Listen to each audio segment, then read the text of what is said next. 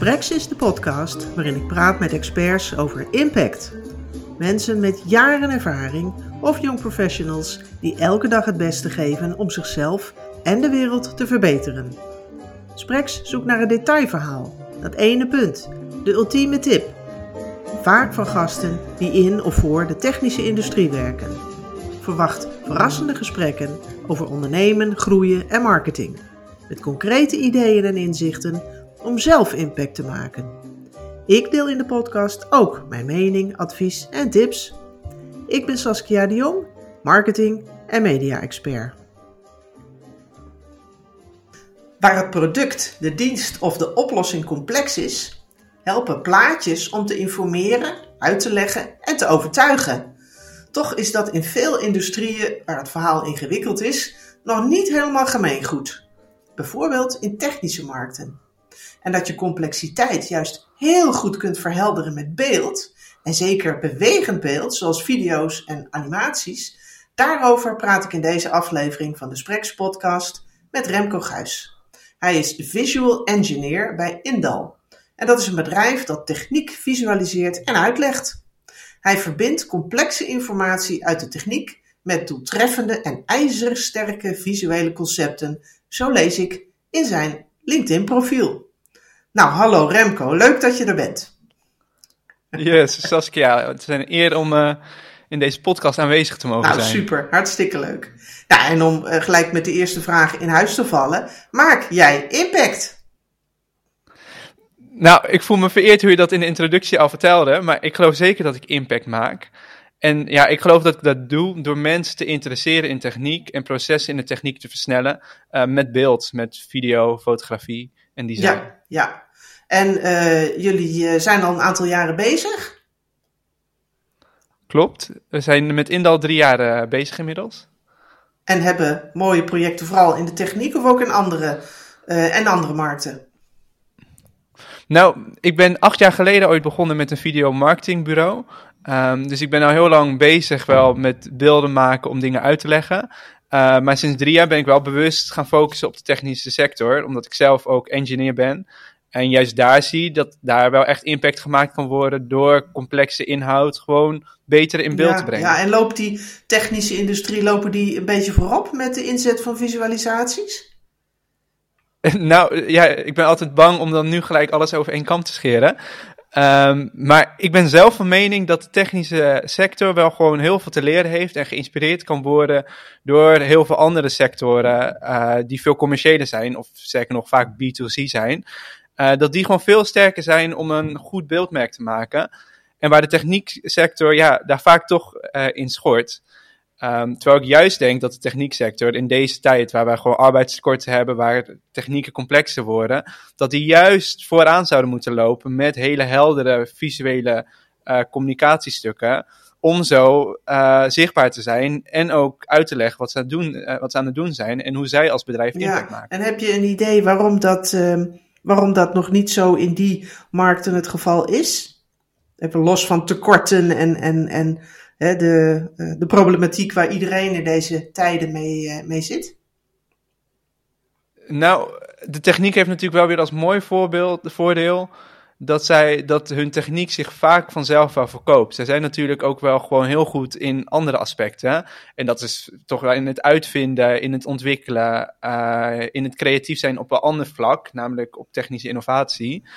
Um, dus zij zijn tot deze tijd vaak gewoon heel ver gekomen met gewoon de beste te zijn of mooie techniek te maken.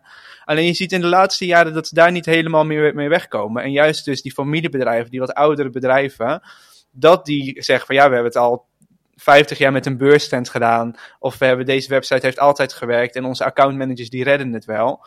Terwijl je nu gewoon ziet in deze tijdsgeest dat ze daar niet meer ja, genoeg aan hebben. Dat ze toch echt nieuwe stappen moeten zetten. En ja, de technische markt schrikt denk ik nu ook een beetje wakker. Dat ze nu beginnen met uh, ja, complexiteit uit te leggen met beeld. Dat dat nu een beetje eraan ja, komt. Ja, impact maken gaat bij heel veel bedrijven niet meer zo ja, als, dat? vroeger. Ja, zeker. Dat herken ik zeker. Ja, ja. En je hebt het nu net over familiebedrijven. Maar goed, sowieso bedrijven die al langer meegaan. Ja, iedereen is zich aan het vernieuwen. En ehm, dat gaat in, hè, met alle technische ontwikkelingen van vandaag de dag. Ja, gaat dat harder dan, dan ooit. En, en, en, en ja, moet je je blijven ontwikkelen om, ehm, ja, om onderscheid en, en impact te maken en invloed te hebben en indruk te maken. Dus dat, uh, dat herken ik inderdaad. Ja, ja. Ja, nou, eh, leuk om, om een, een, een paar voorbeelden van jullie werk toe te lichten. En ja, je gaf me net in het voorgesprek even aan Leonardo da Vinci. Nou, vertel, wat, hoe kun je die als metafoor dus gebruiken voor jouw verhaal vandaag zo in de podcast? Ja, nee, ik hou zelf wel van geschiedenis. En ik, ja, ik wil jullie even meenemen naar het jaar 1490 uh, en naar de Vitruviusman. Ja, het is een podcast, dus ik kan het niet helemaal voor me doen. Maar jullie zullen wel het beeld herkennen van die man. Die, het lijkt alsof hij vier armen heeft, omdat hij zijn armen helemaal uitstrekt. En dat is een visualisatie, een beeld, gemaakt door Leonardo da Vinci over de verhoudingen van de mens. Nou, en als je hem ziet, ik denk dat iedereen het beeld van de Vitruviusman wel kent, dat iedereen het wel gezien heeft en ook wel weet waar het ongeveer om en nabij voor staat. Mooi verhaal als ik hier zou stoppen. Alleen het interessante is, is dat de Vitruviusman, die gevisualiseerd is door Leonardo da Vinci, helemaal niet door Leonardo da Vinci ontdekt of bedacht is, uh, want dat is ontdekt, bedacht door uh, uh, de Romeinse architect Vitruvius. En dat beschreef hij in het boek De Architectura.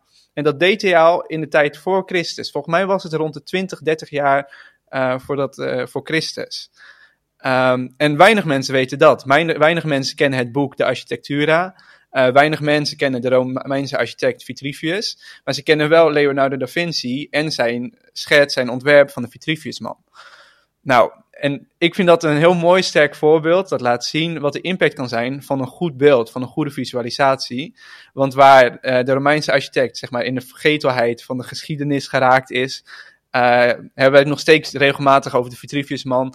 Wordt die nog steeds getoond in collegezalen? Uh, wordt die nog steeds veel gebruikt om iets complex als de architectuur van het menselijk lichaam, de biologie, uit te leggen? Uh, die wordt nog steeds gebruikt. En waarom lukte nou, Da Vinci wel wat uh, de Romeinse architect van voor Christus niet lukte? Ja, ik heb zelf persoonlijk niet gesproken, dus ik kan het natuurlijk niet helemaal zeggen. Uh, maar het is wel zo dat mensen over het algemeen wat aversiever zijn om een boek te lezen dan om naar de afbeelding te kijken. En niet voor niks werkt de helft van onze hersenen, die is ingemaakt om visueel te werken. Uh, dus het is natuurlijk een feit dat op het moment dat het uh, gevisualiseerd is, dat er een beeld aangegeven is, dat het dus sneller begrepen kon worden, dat het gewoon een heel veel groot publiek bereikte en dat mensen het veel sneller konden vatten. Dus... Ja, je wil zeggen dat er was toen ook eerder geen plaatje bij, er was geen beeld. Exact, exact. Ja, dus de kracht van beeld, uh, geïllustreerd aan de hand van Da Vinci. Mooi. Uh, nu naar de tijd van, van vandaag, van nu. Um, een aantal voorbeelden uh, leuk om, om te bespreken. Um, wat, wil je, wat wil je de luisteraars meegeven aan, uh, aan voorbeelden vanuit jullie eigen praktijk?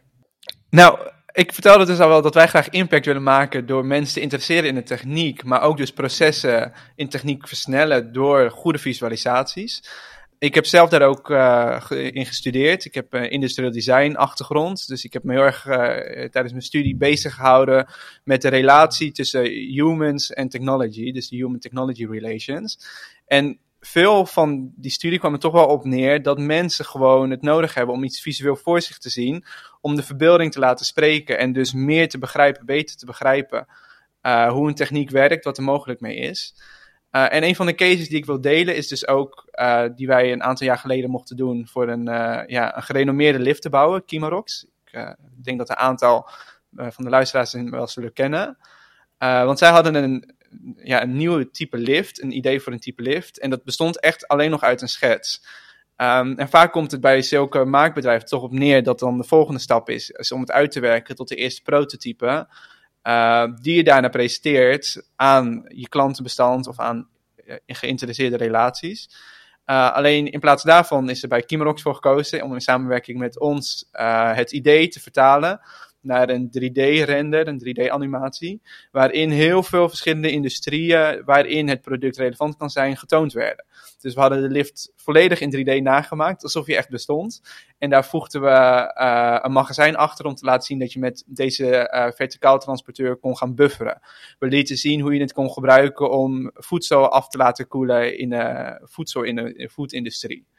Uh, we hebben ook laten zien hoe je het kan gebruiken om te gaan sorteren in uh, distributiecentra. En ze hebben heel veel verschillende manieren laten zien die je niet met een demo-model zou kunnen laten zien, of die ook moeilijk zijn om uit te leggen, in een video van drie, vier minuten. En daar ging die liftenbouwer mee de boer op?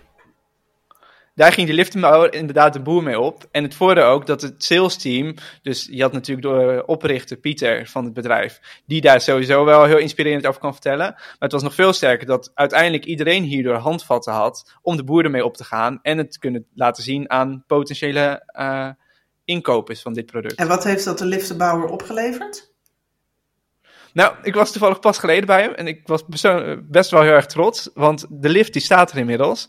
Um, inmiddels is het inderdaad ook uh, is de lift in productie en uh, is er gewoon een heel du duidelijk en helder klantenbestand dat geïnteresseerd is in deze lift. En hebben zij dus ook versneld kunnen doorzetten naar een volgende fase waar dit product ook echt in productie is.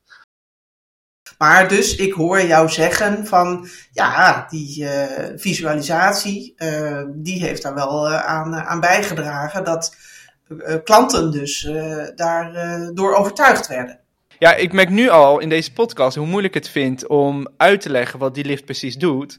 Terwijl als ik jullie mee zou nemen naar een demoruimte waar we één minuut met die lift staan, of dat ik jullie een video van een minuut zou laten zien, dan zullen jullie waarschijnlijk allemaal zeggen van, oh, is het zo'n lift? Zo werkt Dit is er allemaal mee mogelijk. En dit laat gelijk in deze podcast denk ik ook zien dat het gewoon moeilijk is om zonder een goed beeld te inspireren en te overtuigen wat allemaal mogelijk is met een technisch innovatief ja, product. Je moet het in de podcast doen met, met je woorden. En, uh, en wat daarachter zit, achter die woorden en in die woorden. En ja, met je stem. Hè? Dat is weer een, uh, een heel andere kracht. Ja, nee, dat klopt. We kunnen het niet zien. Dus we moeten het doen met jouw woorden. Ja, maar die woorden zijn goed hoor. Dus. Uh, Oké. Okay. ja. En heb je nog een ander voorbeeld voor ons? Nou, een ander voorbeeld waarin we wat meer weggaan van de techniek en meer wel van de kracht van uh, de mens en van het beeld. Dat is voor Groenvermogen NL, misschien wel een bekende. Uh, en dat was een samenwerking tussen verschillende partijen, waaronder een VDL en andere maakbedrijven. En Air Liquide zat er bijvoorbeeld ook tussen. Die uh, een aanvraag deden bij het Groeifonds voor een half miljard voor de versnelling van groene waterstof. nou, dat bestond uiteindelijk uit een rapport van over de 100 pagina's. En dan is het natuurlijk een hele uitdaging om te zorgen dat het leesteam, het beoordelingsteam van het Groeifonds, de aanvraag uh, dat die opvalt, dat die blijft hangen en dat je boodschap overkomt. Nou, en daar hadden wij de eer om ingeschakeld te worden, om mee te denken met uh, Groenvermogen NL, hoe je die vertaalslag kan maken. Hoe je ervoor kan zorgen dat dus ook een tender of een subsidie of een aanvraag, dat die ook opvalt, dat die blijft hangen. En hoe, hebben, jullie dat, en, hoe ja, hebben jullie dat vervolgens gedaan? Nou, onderzoek laat zien dat video en foto gewoon een beeld geven aan een stuk tekst. Dat dat ervoor zorgt dat mensen ja, meermaals, wel vijf tot zes keer, het verschilt een beetje welk onderzoek je leest, langer blijven onthouden. En dat ze dus ook beter onthouden waar het over gaat. Dus wij hebben die aanvraag van 100 pagina's teruggebracht naar een animatie van twee minuten, waarin de aanvraag wordt samengevat en de kern van de, uh, de aanvraag van Groenvermogen NL wordt getoond. En daar hebben we het niet bij gelaten, want op zich was toen wel de boodschap uh, duidelijk. Maar we hebben daar een aantal portretten aan toegevoegd, waarin echt hoofdfiguren, dus uh, belangrijke personen uit de aanvraag, of belangrijke personen, uh, belangrijke partijen, dat die ook geportretteerd werden. Dat er ook echt een gezicht werd gekoppeld aan die labtekst, aan die, die toch wel inhoudelijke aanvraag. En daar hebben we dus uh, video's opgenomen met uh, Marjan Minnesma van uh, Urgenda, maar ook met VDL en ook met de Universiteit Eindhoven. Dus echt die diversiteit aan partijen die dit, deze aanvraag steunden, om te laten zien dat zo'n grote diversiteit aan gewoon toch wel mensen dit pro project steunde. En dat alles in twee minuten? De samenvatting was twee minuten en daarna dus ook zo'n twee minuten aan portretten. Dus het was een totaal van vier minuten echt gericht aan de lezers van, uh, ja, van de aanvraag. En het resultaat was? ik wil niet zeggen dat het alleen door de video komt, maar het resultaat is wel dat uh, het Groeifonds een half miljard beschikbaar heeft gemaakt uh, voor de versnelling van, uh, van de ontwikkeling van groene uh, waterstof. En dat we daardoor dus ook weer wat dichterbij zijn van de realis realisatie van waterstof in de industrie. En ik weet wel zeker dat in ieder geval de visualisaties eraan bijgedragen hebben dat het kabinet, wat niet allemaal natuurlijk technische mensen zijn, toch een beter begrip en meer sympathie kreeg voor de aanvraag omdat ze het gewoon een beeld bij kregen en dat het gesupport werd door ja, de brede industrie. Ja, en dat komt uh, natuurlijk mede omdat je het samenvat hè, in, uh, want je had het net over een rapport van 100 pagina's. Nou ja, in, in, bij beoordelaars zal het misschien niet het grootste issue zijn om 100 pagina's door te nemen, maar door het samen te vatten, dat in hapklare brokken voor te schotelen in twee minuten of twee plus twee minuten, vier minuten, ja, wordt het natuurlijk veel makkelijker en aantrekkelijker. En kun je veel beter triggeren, denk ik. Absoluut. En er zitten natuurlijk twee, het is tweeledig uh, wat we hier gedaan hebben. En dat zou ik ook graag de, de luisteraar mee willen geven. We hebben het natuurlijk samengevat, waardoor uh, je mensen een overzicht geeft van een, iets wat misschien niet gelijk uh, vattend is. Dus een grote aanvraag om dat eerst vanuit een soort helikopterview te zien en samen te vatten in twee minuten. Dat mensen snappen waar ze, welke richting het op gaat.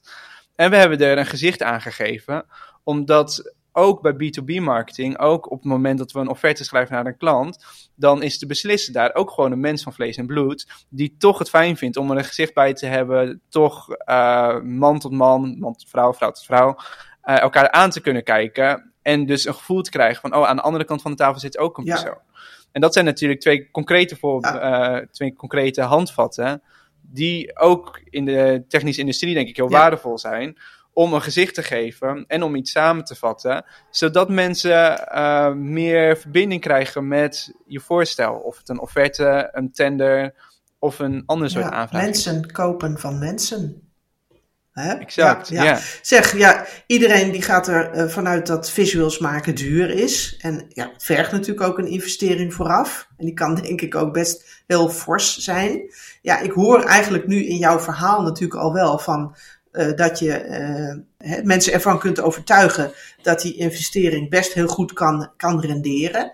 Maar ja, dat moet je dan vooraf dus al doen. Hè? Als jullie aan tafel komen uh, om mee te praten over, dan moet je natuurlijk mensen toch eigenlijk vooraf daar al van uh, uh, zien te overtuigen. Dat die investering voor jullie aanpak, jullie visuals, zijn geld waard is. Heb je daar nog, ja, hoe kijk je daar tegenaan? Nou, allereerst, je hebt visualisaties natuurlijk in alle prijsklassen.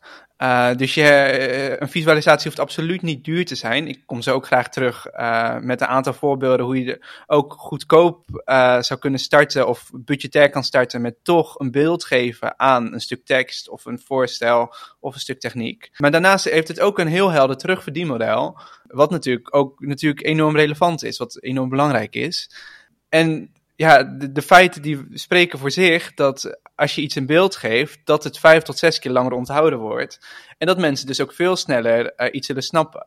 Bovendien, ja, de helft van ons brein die is ervoor gemaakt om uh, visueel prikkels op te vangen. Dus op het moment dat we alleen tekst zouden gebruiken of alleen eh, in een presentatie iets zouden uitleggen, dan zouden we eigenlijk maar gebruik maken van de luisteraar de helft van zijn brein. Uh, terwijl juist met zo'n aanvraag, daar gaat er veel tijd in zitten. Als je kijkt naar het schrijfteam van Groenvermogen en uh, hoeveel honderden uren zij daar wel niet in hadden zitten. Die investering was al heel hoog. Dus om dat laatste beetje erbovenop te doen, om daarvoor te zorgen dat je slagingskans wel veel groter wordt. Dat is gewoon heel rendabel en heel makkelijk terug te verdienen. En hetzelfde voor een Kimarox. Die bespaarden uh, prototype en demokosten en een risico dat ze misschien zouden investeren in prototype en demokosten, terwijl de geïnteresseerde markt niet groot genoeg was. Doordat ze het vroegtijdig visualiseren en vroegtijdig konden peilen wat de markt ervan dacht. Um, dus dat zijn heldere vormen uh, waarin de investering in een visualisatie minimaal is, maar je wel risico's beperkt, of de slagingskans gewoon significant veel groter Ja, en je kunt ook altijd nog het voorbeeld van Leonardo da Vinci aanhalen. Tot slot, uh, Remco, voor de luisteraar die eenpitter is, of ja, in het MKB werkt, in een, in een kleiner bedrijf misschien zelfs wel, kun je het voor hem of haar nog concreter maken met een aantal tips. Hè? Wat kan iemand zelf nu, misschien makkelijk, anders gaan doen in zijn marketing en communicatie met de kennis uit deze podcast?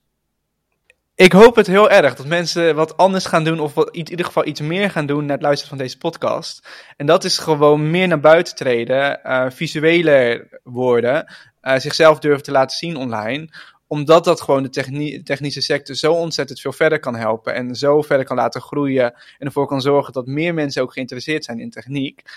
Um, dus ik hoop dat mensen echt uh, uh, zelf, zelf aan de slag gaan of met hun lokale communicatiebureau. Om ervoor te zorgen dat die complexe technieken gewoon simpel worden uitgelegd. Um, en wij gebruiken daar zelf binnen ons bedrijf vaak wel vijf handvatten in ieder geval voor. En de allereerste, die is wel echt heel belangrijk. En het is een open deur, maar toch zie je vaak dat dat, dat al vergeten wordt. Is dat het ontzettend belangrijk is, is dat je je publiek begrijpt. Uh, wat vindt je publiek belangrijk? Wat is hun achtergrond? En hoe communiceren zij graag? En je zal erachter komen dat dit vaak anders is dan wat je zelf oorspronkelijk denkt hoe je graag wil communiceren. Uh, dus echt verdiepen in ja, als het gaat over uh, je, je personeel of de inkopers, van waar zijn zij in geïnteresseerd? Waar gaan zij aan op? Wat willen zij? Wat zijn hun problemen? En daarop inspelen. Dat zorgt er in ieder geval voor dat mensen ontzettend veel geïnteresseerd zullen zijn in jouw beelden en in jouw visualisaties. Ik kan gelijk doorgaan met twee. Uh, want als je dan helder hebt over wat je publiek is en hoe je publiek in elkaar zit, wat ze belangrijk vinden, dan zou ik echt wel aanraden om te gaan focussen op één verheldering als je gaat visualiseren het is best wel verleidelijk als je een prachtige machine hebt of een hele ecosysteem als bedrijf, om dat allemaal te willen gaan uitleggen. Maar ik zou toch aanraden om met één concept of één complex onderwerp te beginnen en je echt op één verheldering te gaan focussen. Want als je te veel uitlegt, dan zullen mensen denk ik toch in de war raken en misschien zelfs wel alles vergeten en dan mis je je ja, doel. dus kiezen. Kiezen, absoluut. Ja, maak keuzes. En kill your darling, zeggen wij altijd. Alles is mooi, dus toch moet je keuzes gaan maken en concessies gaan maken. Nou, ook wel een veelgemaakte fout zien wij, is uh, het gebruik van jargon. En ik zou echt aanraden in de visualisatie dat je het jargon gewoon volledig vergeet. Uh, de beste teksten, dat zie je, uh, steeds meer onderzoek laat het ook zien, zijn gewoon teksten die iedereen begrijpt. Je komt niet per se beter over als je moeilijke woorden gebruikt. En je zal dus het probleem hebben dat je gewoon mensen verliest in je communicatieboodschap. Dus ik zou echt aanraden om ja, technische woorden te vermijden. Uh, maar daartegenover staat natuurlijk wel dat je je publiek ook niet wil betuttelen. Dus je wil ze wel serieus nemen en ook wel gewoon uh, je vak en je techniek recht Ja, maar met, die, uh, met dat vermijden van jargon kun je je ook beter verplaatsen in je doelgroep, denk ik. Dus ik denk dat het een hele relevante tip is. Ja, ik heb er nog twee staan wat ik uh, bij tip 4 uh, zelf een hele belangrijke vind, is dat we met visualisaties het onzichtbare zichtbaar gaan maken. En daar juist echt een toegevoegde gaan, waarde gaan leveren van wat andere vormen van communicatie, zoals tekst, spraak, niet kunnen. Dus met visualisaties is het bijvoorbeeld heel sterk om een proces vanuit een helikopterview te visualiseren. Dan gaat het bijvoorbeeld om een hele productielijn. Dat we dat in één afbeelding heel mooi helder kunnen maken. Maar daarmee laat je iets wat met het blote oog vanaf de vloer niet zichtbaar is, uh, maak je het toch zichtbaar. Of dat je bijvoorbeeld de binnenkant van de machine uh, zichtbaar maakt door een uh, dwarsdoorsnede te maken, door het uit te tekenen, door er een 3D-render van te maken. Om zojuist dingen waar mensen geen beeld bij hebben, dat ze daar toch een beeld bij krijgen. Tot slot, wat ik een hele belangrijke vind, is uh, wat ik heb geprobeerd om ook in deze podcast te doen, is altijd bij alles wat je vertelt goede voorbeelden en veel context te geven. Dus het is altijd belangrijk dat als je het over een technisch onderwerp hebt, dat je ook laat zien in welke context het gebruikt wordt. Dus bijvoorbeeld een machine in zijn hele productielijn te tonen, uh, daarna daarop in te zoomen.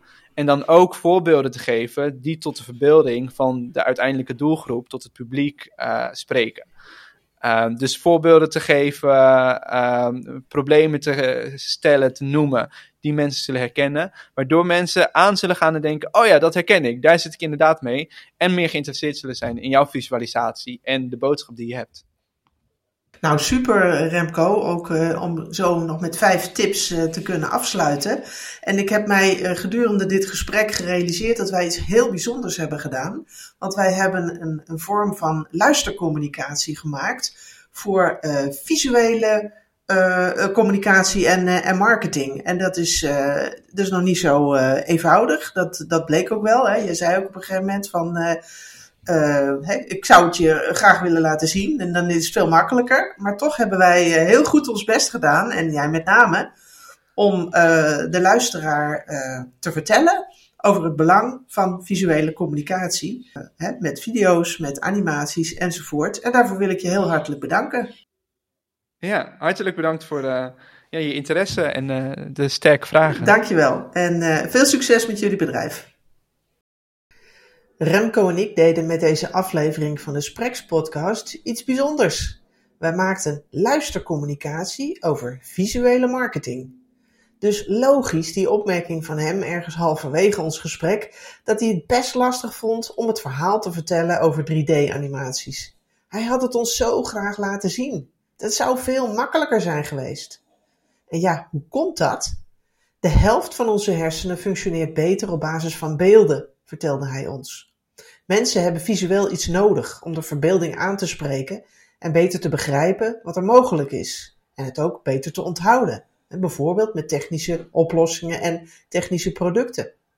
Hij had mooie voorbeelden met de nieuwe lift van Kimarox en de subsidieaanvraag van Groenvermogen NL, waarmee doelgroepen zijn overtuigd en beslissingen versneld. Ja, ook in zakelijke markten zijn de beslissers natuurlijk mensen van vlees en bloed. En ook hier geldt mensen kopen van mensen. Technische bedrijven zijn goed in het ontwikkelen van techniek. En dat verkocht zich in de voorbije jaren misschien makkelijker dan nu. Vandaar ook het pleidooi met deze podcastaflevering. Je legt complexe techniek eenvoudiger uit als je weet wat belangrijk is voor je publiek en waar je ze mee kunt triggeren.